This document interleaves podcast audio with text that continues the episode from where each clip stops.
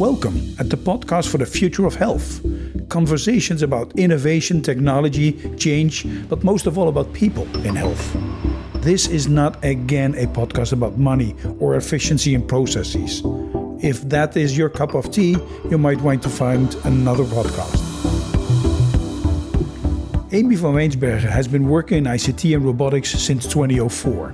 She is an assistant professor in ethics and technology at the TU Delft in the Netherlands. She co founded the Foundation for Responsible Robotics and is on the board of the Institute for Accountability in the Digital Age. She's the author of the book Healthcare Robots Ethics, Design, and Implementation. And next to that, and a lot more you'll find in the show notes, she's also a colleague of mine as Edge Fellow at the Center for the Edge at Deloitte. So, Aimee, what's all about this responsible AI and robotics? Mm-hmm. What is what's that all about anyway? I think there's a lot of abstract thinking about ethics and AI and robotics. What's your mission and why are you in it? I think that robotics and artificial intelligence are now providing the world with capabilities that we didn't have before. Mm-hmm. And responsible robotics, responsible AI is figuring out with these new capabilities how do we do it in a good way. We, of course, want to do this in a good way, but what does that mean and how can we achieve it? What could go wrong then? That's a that's a big question. So in general, when we're talking about artificial intelligence, there's a few things that we should be thinking about that aren't really on the agenda or the radar right now. We should be thinking about the carbon footprint. So the the carbon footprint when you're just training a machine learning algorithm, they're talking about how now it's the equivalent of five cars lifetime to create an AI to train one machine train. learning algorithm to train. Wow. That's that's huge, right?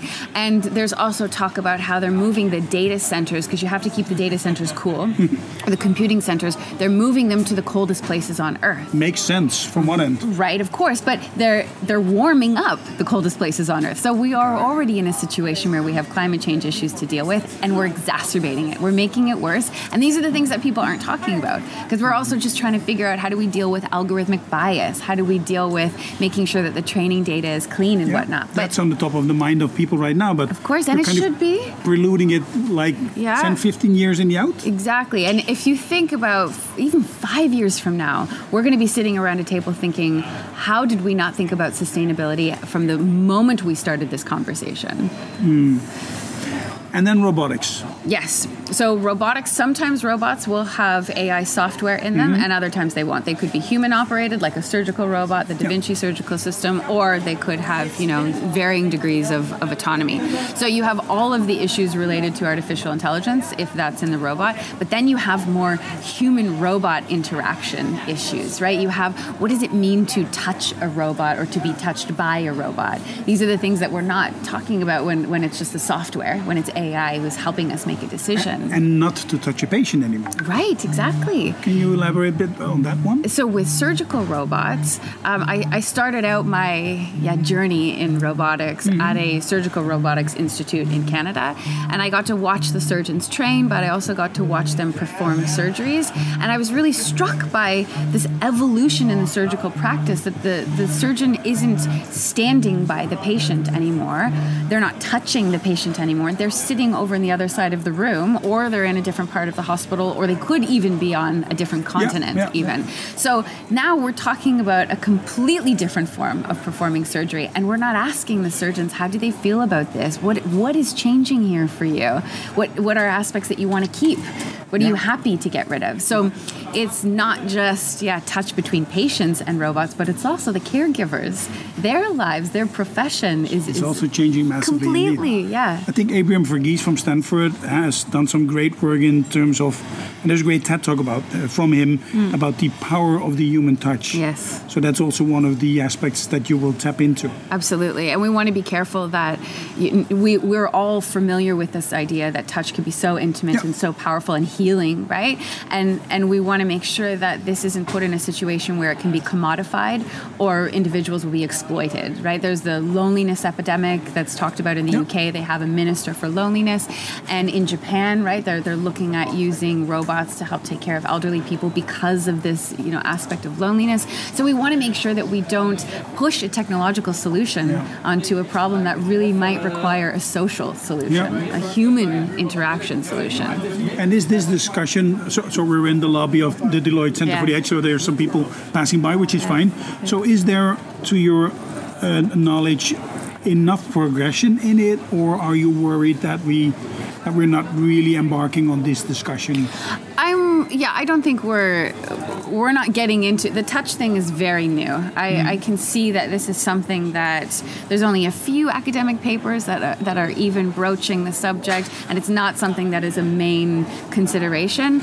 I hope that in the next five years we really start to have these difficult conversations because there's also no easy answer. Yeah. So if we're talking about ethics, right? I, I'm a professor in ethics of technology, and everyone asks me, well, what is ethics? Yeah. And I try to explain. I just was going to ask that Yeah. one, no. Okay. well, I, I try to explain that it's it's a study. You know, it, it's it's about us being critical and looking at this is how we normally practice healthcare, but now with this new technology, like with surgical robots, now there's no touch involved, and the job of the ethicist is to come in and say, is this good or bad, and how do we make such a decision? So it's not to point the finger and No, say no, this is bad, this is good, but it's to ask, is it, and how do we decide that? And it's the process of making decisions about that. And sometimes we can have a very concrete answer. You know, if you can respect it, human rights, this is a good thing. And so we want to codify that and we create regulations to make sure that people protect human rights.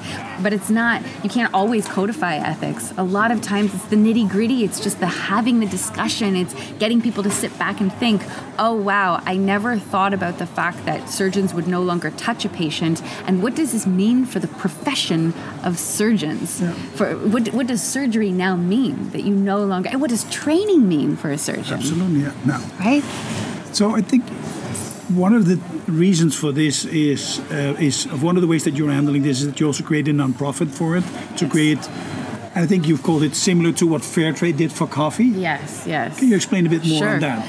So myself and Noel Sharkey, who's mm-hmm. an artificial intelligence expert in the UK, he and I about three years ago created the Foundation for Responsible Robotics, and this is a not-for-profit organization established here in the Netherlands. Our goal originally was to try and bring some of this incredible academic work that's happening, this you know rigorous critical reflection on the technologies, to bring that outside of the walls of academia, to try and educate the public, to raise awareness of policymakers as well. As science should be doing. Right. Yeah. Yes. And uh, and so our original goal was to have workshops to bring the different stakeholders Mm-hmm. together to write consultation reports and, and documents that we could give to the public to say these are the latest in robotics innovation. So sex robots, they're here. Yeah. There's you know more than five companies that are creating them around the world. Without taking a position that this is good or bad, we wanted to say let's have a conversation about it. Asking the right questions. Exactly, and and then now in the last year we've started to work um, with Deloitte on the creation of a quality mark. So we are taking certain values that we think uh, companies need to be thinking about as they move forward with the creation of robotics products. Values like privacy, sustainability, accountability, these kinds of values that are a cornerstone of liberal democratic societies. And we're saying, how can we create internal processes within the company to realize these values? And so the idea is when you go to a store and you can choose one drone over another, hmm. or when you're ordering your products online, right? Amazon or Yeah. or something like that. There's a lot of robots in the warehouses, in the mm-hmm. distribution centers, or grocery store shopping. Yeah. A lot of those distribution centers are also robotics. So maybe you want to choose a company that has the, the logo on it to say, we are concerned about our, our human supply chain. We are making sure that human rights are protected in the warehouses where humans have to work alongside robots. We are making sure that we have a minimal commitment to sustainability, that certain uh, percentage of the robots in the warehouses are made from recyclable plastics, right? For instance, yeah. For instance, Yeah, yeah, right? Even just small steps so that we can start to get people thinking about it, so that we can start to you know, influence and steer companies that this is something that consumers want, but this is also just something that we need to do for the good of society. Electronic. We haven't even talked about electronic waste, right? what are we going to do with these robots once once we're done with them? I think there was this discussion about circular economy. So there are companies like Philips is working that each and every MRI that they put in, they upfront say this is what we're going to do. We'll take it from you. We'll demolish it. We'll break it down into parts. So this is the discussion that is running in terms of when is this certificate? Is, is it a certificate that you're talking about? It's Or is it- a, or is it a it's a it's a label, It's like a a, label. trademark stamp. Yeah. In your wildest dreams, when is this Yeah. up and running and when is that process ready? Yeah. Is that ready if ever or is it more like we're trying to get this up and running and Yeah. at one point in time we become obsolete or is this something that should be a continuous continuously thing, process. Yeah. So we have we have our framework and Mm-hmm. and we have the basic idea of how we want to actually do the process. And I imagine that the process is going to maintain a certain kind of consistency, but just what we look for in the process will be something that changes. So I don't think it'll ever be obsolete, um, and I'll explain that a little bit later. But so we have the framework. We are now interviewing different pilot companies because we need a pilot company that has a certain maturity and a certain Yep. level of control over their product. Otherwise, if they say, you know, Yep. there's nothing we can do about that, it's very difficult for us to be able to give the quality mark. Makes so sense. we're imagining though that between now and April of 2020, we would like to have between two and three pilot companies completed. And what the assessment looks like is that you know we we go in, the foundation goes in together with an auditing firm, and we go through procedural audits, IT audits. You know, it's a variety of these kinds of, of processes. The auditing firm then gives this information over to the foundation, and and it's the foundation that decides Ah, whether yeah. or not the quality mark is given. So it's up to us. It's up to th- So- this group of individuals. So, so I'm from healthcare, Mm-hmm. and one of my scary things is, oh my gosh, here comes another registry, another whole check mark Right. list that we have. And in healthcare already, 40% of all the work that physicians and nurses do is administrative burden. Yeah. Is this Yeah. going to add to it? No, Or? this is not meant to be like that at all. This is meant to be. Um, there, there will be instances where we do have to talk to a physician, but it's talking to a physician to get a different kind of question. It's is this actually helping you with your job, or is this something that's. Yeah. debilitating That you? way, yeah. And with that information, that means that we then get to give an assessment to the managers of the hospital and say, this is Mm-hmm. not good for your employees in terms of the actual well-being of these individuals and sustainability of the system. This is not going to Yeah. go so well. So there is an added layer for the physicians, but it's an attempt to try and make their lives easier and better. And and what the quality mark wants to do is you either go through this process and you achieve the quality mark and we advertise it and we create new benchmarks for best practice, or you go through the process and you get an assessment and recommendations. This is where we think you could do better. We are going to help you in this process. If it means you don't even have access to recycled plastics, what can we do? Can we go and approach Unilever and say, let's come up with a project? We've got company, we have three companies that uh, need some some form of recycled plastic, whether it's for the actuators, the effectors, what you know, a Whatever, piece of the robot. How can you help? So we also see that as, as our role and our responsibility in this process too. What's the biggest challenge right now? Is it influencing the public? Is it creating awareness? Is it finding funding? Is it Who- Yeah, all of the Oh, above. yeah. yeah. All of the above. What's the biggest I one? would say I for the could- next, let's say, how could people that are listening to this podcast help you, for instance? Right now, it's funding. Hmm. Actually, to be to be perfectly honest, so as a not for profit, we want to maintain our impartiality.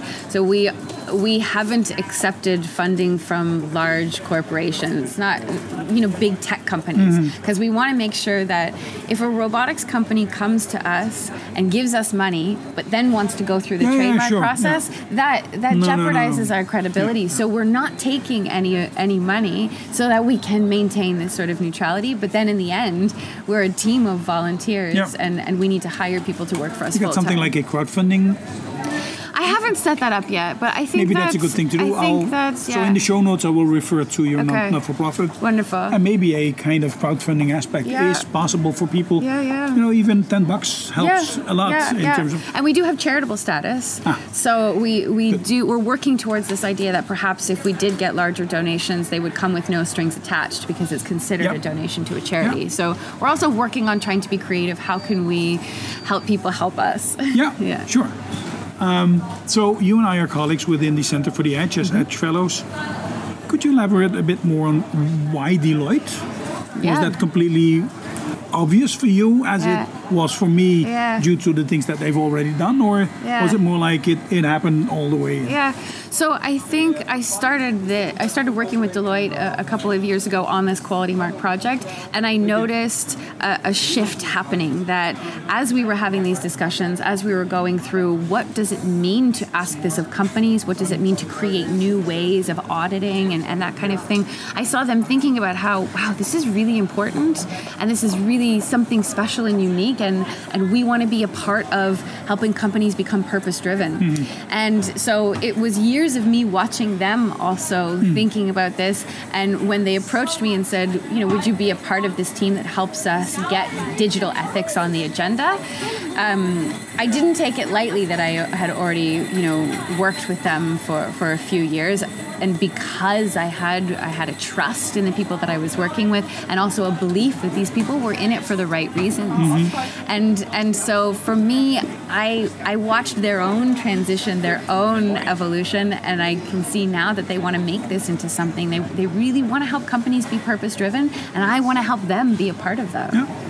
Wow. Last question, Aimee. Um, how can the public help? For one, of course, it's it's funding, but what can somebody that listens to this podcast do him or herself in making sure that we're having the right discussion? Mm-hmm.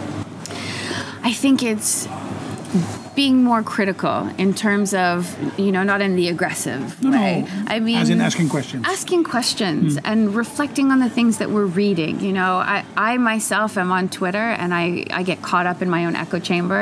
You know, I read a lot about AI ethics and I, I read a lot about or from people who have the same opinion as Yeah. me.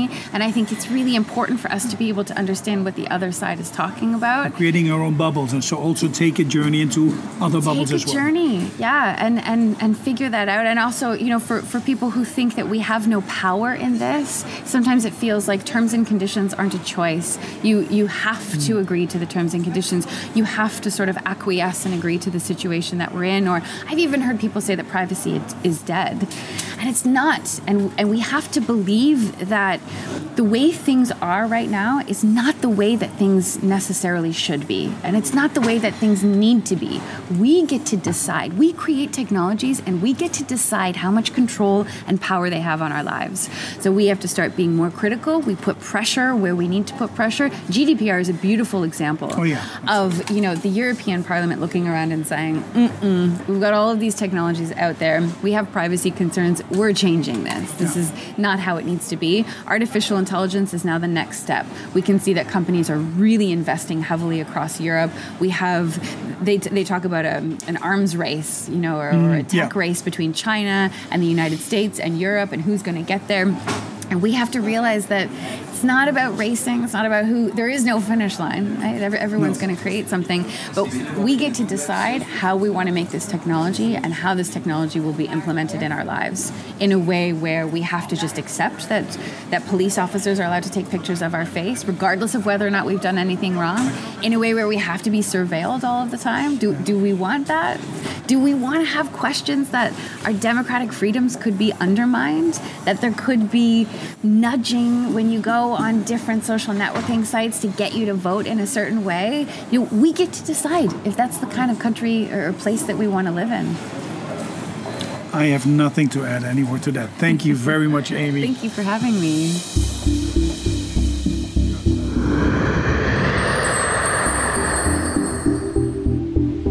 Thank you for listening to this episode of The Future of Health. If you subscribe in your favorite podcast app, new episodes will come to you as soon as I publish them. If you liked it and have a spare minute, please rate this podcast and share it. I also would love to hear your feedback. Thank you again. My name is Lucien Engelen, and at Transform Health and as an Edge Fellow at the Center for the Edge at Deloitte, I help institutions, corporates, governments, and professionals with a soft landing into the future.